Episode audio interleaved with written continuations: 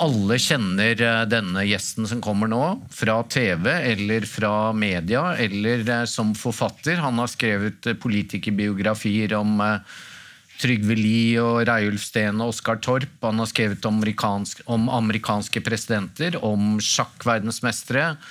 Og ikke minst er han krimforfatter, og den Norges mest produktive krimforfatter de siste 11-12 årene. Så eh, vi har også sett han da falle av stolen. Ifølge ham selv så falt han ikke av stolen på TV. Vi håper han finner stolen her nå. Ta godt imot Hans Olav Lahlum!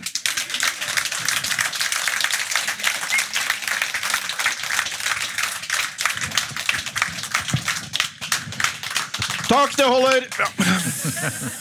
Pleier jeg å si når applausen dør ut uansett. Velkommen. For øvrig var det etter Håkon Lies eh, bortgang, og jeg falt ikke. Ja. Du bare bøyde deg ut av bildet. Jeg prøvde å ta opp en mikrofon som jeg hadde sagt kom til å falle av, og som falt av. Men ok, videre. Ja, Videre, ja. Vi skal gå videre. Da tenkte jeg vi skulle snakke litt om eh, denne nye Det er den tiende boken i serien din om K2 og Patricia. Og det er en milepæl og en fantastisk fin krim som heter Søskenmysteriene. Så hvis du kan fortelle litt av handlingen uten å røpe altfor mye. Ja, eh, Den forrige romanen sluttet jo med at min eh, trofaste politietterforsker Kolbjørn K2 Christiansen pga. sine noe ukonvensjonelle arbeidsmetoder mistet sin jobb i Oslo-politiet og i stedet måtte begynne som privatdetektiv. Det er jo et stort skifte i serien, men noe nytt skal man jo gjøre. Så han sitter der på sitt privatdetektivkontor og får mange spennende besøk av folk som lurer på om ektefellen er utro, og eh, forsikringsselskaper og litt sånne ting. Og så en dag så kommer det en mye mer engasjerende uh, sak med en uh, ung dame som sier at mannen som har sonet ti års fengsel for drapet på min bror, ble løslatt, uh, blir løslatt i morgen, og jeg tror han er uskyldig. Som jo er en spennende start. Uh, det er det første mysteriet. Den neste klienten som dukker opp, er faren til den første klienten, som sier at jeg er kjent med at min datter oppsøker deg og tror det er noe feil med det hvem som ble dømt for drapet på min sønn for ti år siden, det er det ikke, men det er flott om du tar en kikk på saken. Og så sier han at jeg har forresten et mysterium fra familiehistorien som du gjerne får ta en kikk på, nemlig at min søster forsvant sporløst på Bergensbanen i 1939. Og klarer du å løse den, så vanker det en klekkelig bonus. Eh, og så er vi i gang. Ja. Eh, og så eh, har vi da et drapsmysterium fra ti år tilbake som en person er dømt for, men hvor det er reist tvil om vedkommende faktisk var den skyldige. Ganske vanlig på den tiden. Eh, og så har vi et forsvinningsmysterium som ligger 24 år tilbake i tid, i 1939. Og så får vi ganske snart også et drap i nåtid. Og så burde det vel være nok til å fylle opp en 300 siders skriveroman, tenker jeg. ja, og, og alt henger sammen med alt, som Gro pleier å si. Ja, ja, altså, Det er i hvert fall et familiedrama i større grad enn noen av mine tidligere romaner. fordi disse to uh, mysteriene vi foreløpig snakker om, er jo knyttet til den samme familien. Og det verserer også, ifølge den uh, mannlige, uh, litt eldre klienten i familien, så verserer det også en gammel historie om at det er en forbannelse over familien. At det vil bli født to barn, men bare overleve ett barn i hver generasjon som kommer og at det så langt har slått til. Så det er en litt sånn fortettet familiehistorie, dette her. Og vi kan vel for så vidt røpe det, siden det skjer ganske tidlig. At det neste som skjer, er jo at K2 stiller seg utenfor fengselet for å snakke litt med denne mannen som har sonet ti år for drapet, når han blir løslatt. Det er en utpreget outsider, et tidligere barnehage eh, eh Ikke barnehage, men barnehjemsbarn. Eh, en barnehage ville vært mer overraskende enn barnehjem på den tiden, for så vidt. Men, men eh, han sier at han er uskyldig, at han tror han vet hvem som begikk det drapet han ble dømt for. Og Så skal han møte opp til en samtale på kaffestova med K2 og hans klient, men dit kommer han dessverre ikke, fordi han blir drept underveis på veien dit. Så da har vi to eh, mysterier som er direkte knytta til familien. Et tredje som er i forlengelsen av det, på den måten at det vel er mye som tyder på at dette dødsfallet til mannen som nettopp ble løslatt nå, har en forbindelse tilbake til drapet for ti år siden. Men da er jo også spørsmålet var det noen som ville hevne seg fordi de trodde eller visste at han hadde begått drapet. Eller var det noen som ønsket å skjule noe, og som derfor ville stoppe ham før han fikk sagt noe?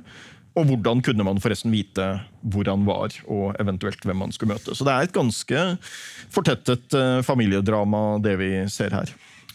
Og uh, det at K2 nå har blitt uh, privatdetektiv, altså det er jo litt Det er jo på en måte typisk i krimlitteraturen, men kanskje ikke så mye i virkeligheten. At, at ja, at, at, du blir detektiv. Jeg syns ja. det er flere politietterforskere i virkeligheten enn privatdetektiver.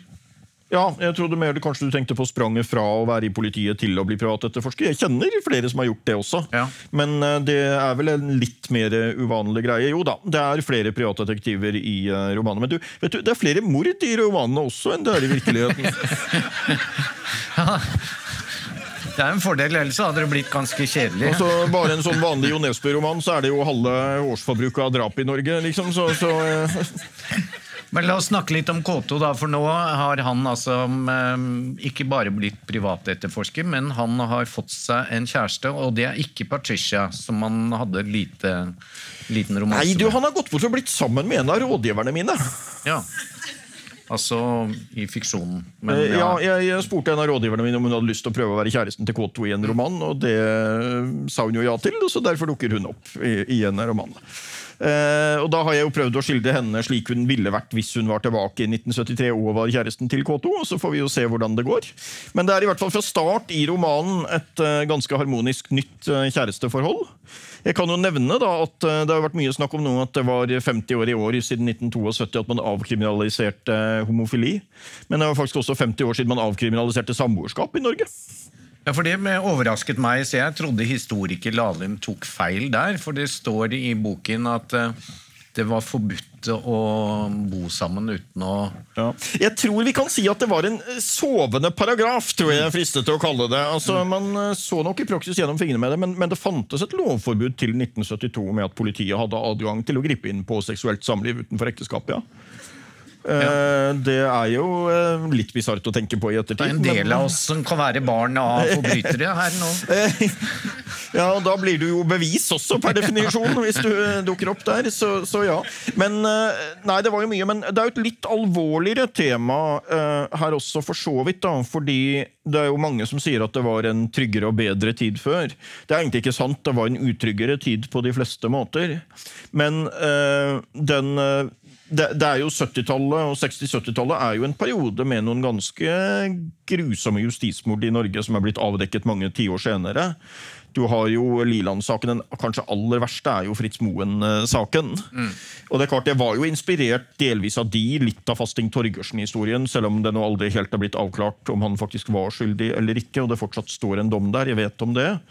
Det fantes også en merkelig svensk sak, Ole Møller, som ble dømt to ganger. Begge gangene da med drap med 15 års mellomrom, begge gangene uten sikre bevis. Mellom der prøvde politiet å ta han en tredje gang på et drap som det viste at han beviselig ikke hadde begått.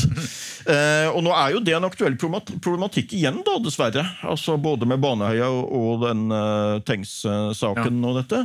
Så det er jo en tankevekkende problematikk rundt dette med justismord i Norge, og hvor trygt samfunnet egentlig var. Det var i hvert fall et mye farligere samfunn enn i dag for den som har litt bakgrunn à la det denne dømte drapsmannen Sverre Hansen har, da, med å være en outsider uten noen særlige kontakter, uten en familie til å følge seg opp osv., så, videre. så er det klart at det var en skummel situasjon å, å havne i hvis man da var på feil sted og ble mistenkt for et uh, drap. Men uh, vi får nå se da hva som kommer frem utover i romanen. Det er jo flere spørsmål fra starten her som står ubesvart ganske lenge i romanen. Men ja, Det er jo fascinerende at du i, her du tematiserer jo homofil kjærlighet som akkurat da var blitt lovlig, da vel omtrent det året denne handlingen begynner. Men både eh, en av hovedkarakterene, hvis vi ikke skal avsløre hvem de er, eh, har jo et eh, ja. sånt forhold. Men også uh, drapsofre.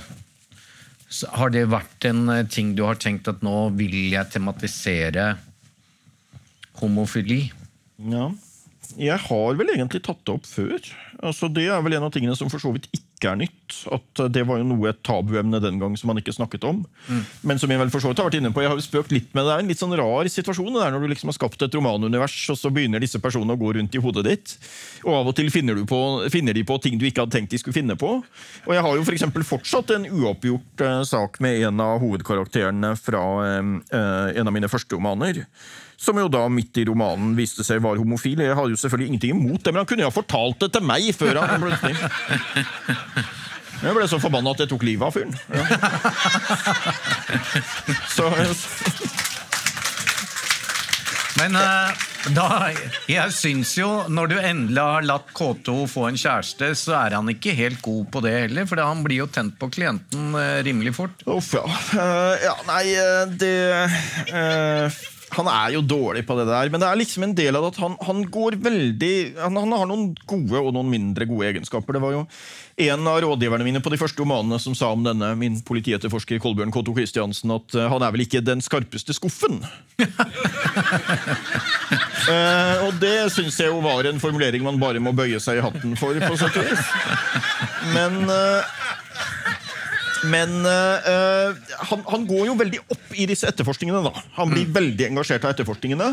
Og han har en tendens til, så å si som en del av det, også fatte en interesse for en eller annen mer eller mindre uh, bra dame som han uh, fatter en interesse for her. Vi får se hvordan det går denne gangen, men det er vel delvis det at han nå blir borte nesten nær sagt hele døgnet, og delvis det at kjæresten også etter hvert begynner å lure litt på hans forbindelse med denne unge kvinnelige klienten som han er veldig opptatt av. Så vi skal ikke avsløre hvordan det ender der, men det er jo det er et privat drama her også, ja. Men jeg har skjønt at det er et privat drama i Lahlums liv òg, for det skriver du om i, i etterordet, at det er partners in crime. Dere skal jo til eh, Du og din eh, kjæreste skal jo til Silkfestivalen Silk-festivalen i morgen og bli intervjuet sammen, skal dere ikke det? Jo, det er sant. Mm. Det blir den første anledningen alle må reise dit og bli med og se på det.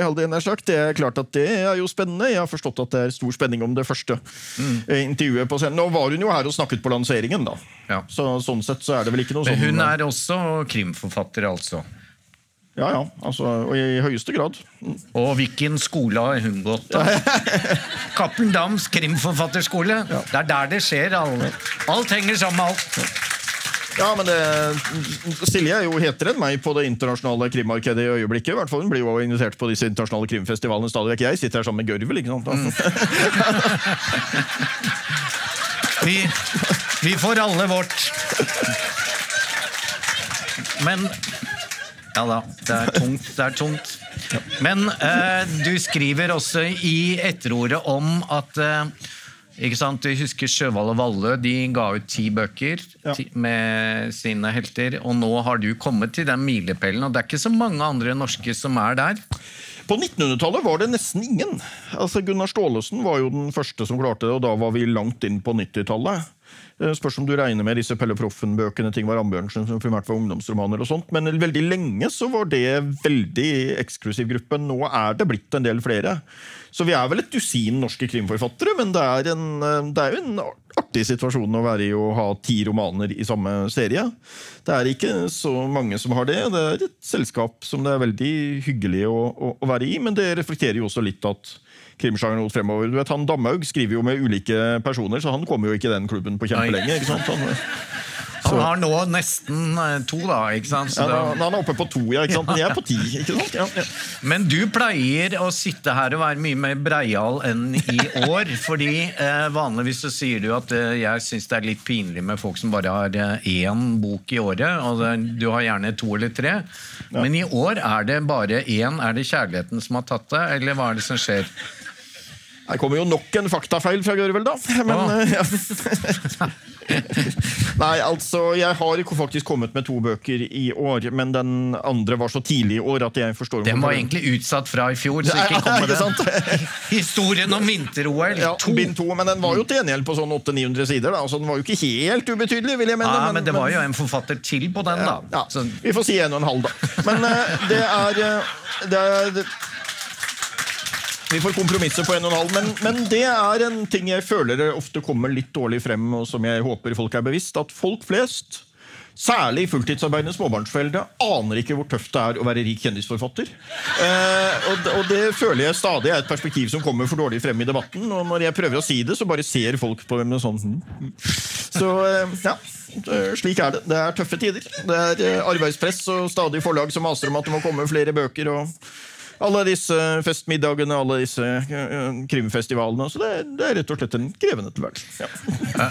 Men uh, Ja, jeg var ironisk nå. Ja. Men uh, du er jo nå kommet til 1973, og i etterordet så skriver du at uh, det er 70-tallet som liksom er tiden som passer for denne serien. fordi seinere så har det kommet ny etterforskningsteknikk og andre remedier. Så hvor mange bøker kan vi håpe på med K2? Jeg tror nok ikke at serien kommer til å forlate 70-tallet, men eh, det er jo mye rom igjen på 70-tallet når vi er høsten 73. da. Jeg ble jo født høsten 73, så jeg vurderer å skrive inn meg selv i en birolle som baby i neste roman. Ja. men, men, uh, Skikkelig vi... skrikerunge der, da. Litt sånn eh, ja, en irriterende skriketema. masete et eller annet. Ja, jo. Men, men nei, det, det kommer nok det kommer flere romaner i denne serien. Om det blir 15 eller 20, eller hva det blir, det får vi se. Men nå har jeg jo frekvensen har jo gått ned. da. I begynnelsen så var det liksom en roman i året på 68 og 69. Og nå er vi vel fort på sånn type 3-4 i året, med litt ulike årstider og tematikk og sånt. Så jeg kommer ikke til å fortsette å skrive én i året, som jeg gjorde den første perioden. Men det vil komme noen flere, og det er mulig at det kommer en allerede neste år. Vi får se. Jeg har en plan. ja.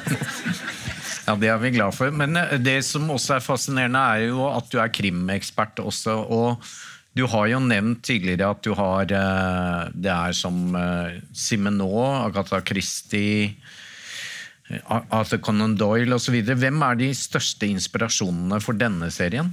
På denne serien så prøvde jeg å lage en sånn nisje mellom tre av de store klassikerne. Hvor det da bare var plass til meg og masse lesere. var liksom planen her.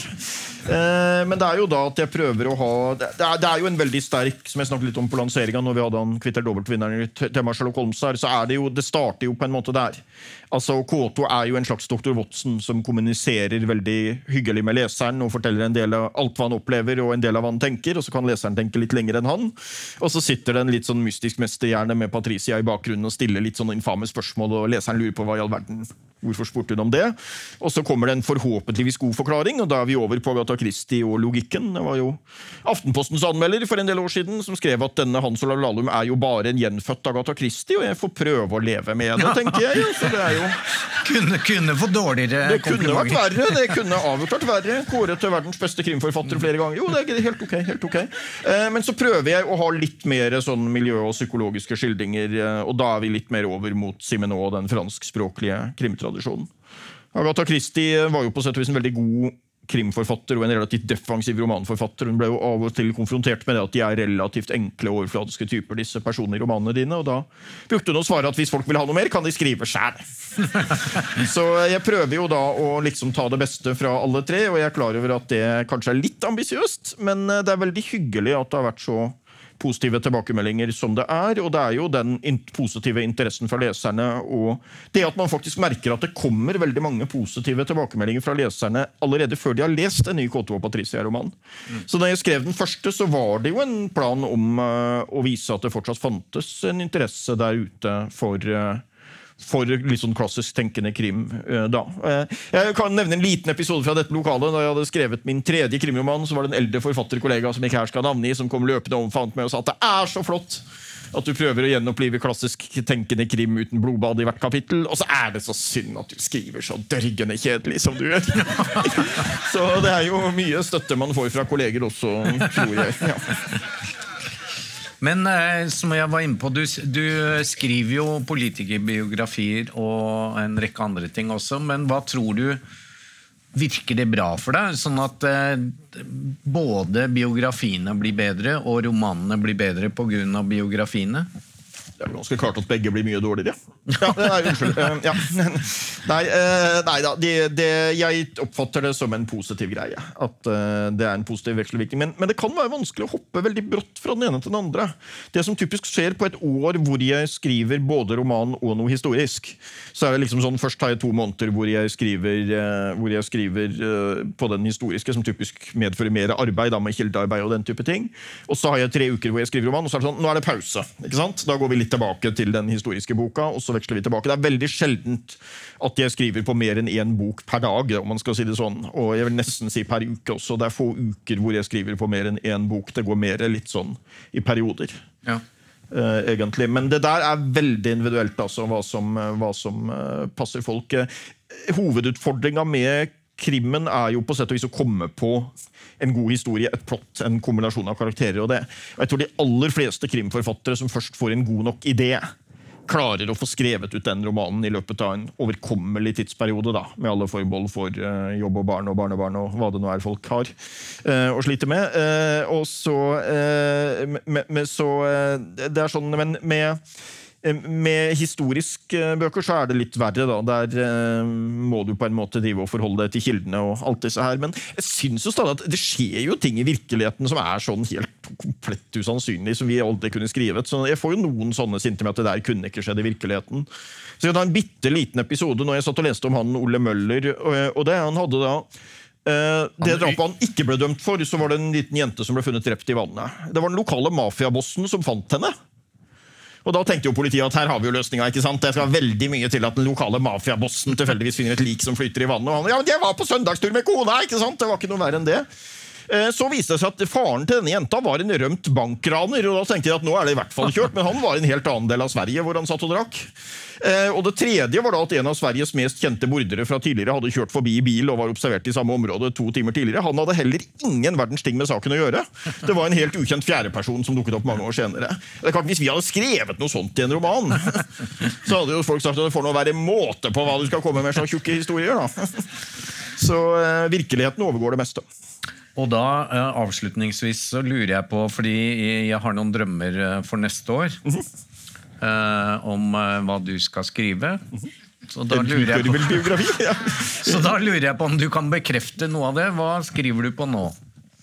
Jeg tror at det blir en ellevte roman med K2 og Patricia neste år. Alternativet er å komme med en oppfølger på den romanen fra i fjor, hvor jeg startet denne nye historiske serien fra krigen med Engle Martinsen. Uh, og Sneen var ren, som den het som vi nå ikke fikk snakket om, men som selvfølgelig også er en fascinerende historisk mm. eh, krim fra en annen tidsperiode.